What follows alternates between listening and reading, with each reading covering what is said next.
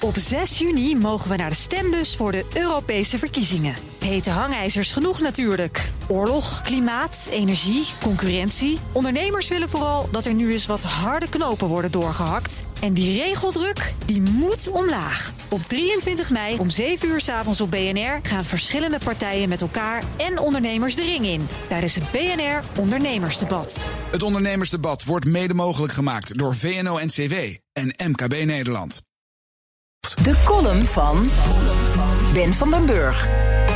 Zoals Freek de Jonge ooit vertelde, kun je de wereld verdelen in twee soorten mensen. Mensen die de wereld verdelen in twee soorten mensen en mensen die dat niet doen. Ik verdeel de wereld graag in twee soorten mensen. Zo heb je de ochtendmens die slechts één alarm op zijn smartphone heeft ingesteld... en de avondmens die verschillende tijdstippen heeft aangemaakt. Je hebt mensen die een ezelsoor maken bij een fysiek boek... en mensen die een boeklegger gebruiken. Wij kennen de introvert en de extravert, de denker en de gevoelsmatige... de intuïtieve en de waarnemende persoon. Je hebt gevers en nemers, republikeinen en democraten, rechts en links. Er zijn mensen die inmiddels zijn weggezapt... en mensen die nog luisteren. Afgelopen week hoorde ik een interessante tweedeling. Het was in een gesprek over onze toekomst met de techdenkers Kevin Kelly en Mark Andreessen. Het discussiepunt was of we economisch moeten blijven groeien of juist een stapje terug moeten doen, omdat onze ongebreidelde consumentisme niet houdbaar is.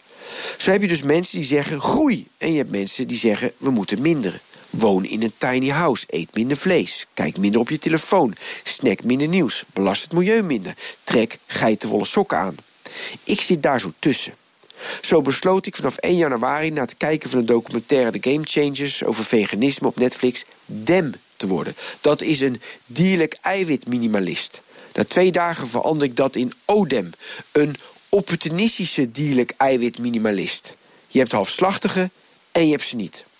Andreessen gaf aan dat de onderliggende tweedeling van groei zit in het wereldbeeld dat je hebt. Geloof je in de zero-sum game, de winst van de een is het verlies van de ander, want uiteindelijk moet je op nul uitkomen, of ben je mens dat gelooft in een positive game, we zijn uiteindelijk allemaal beter af.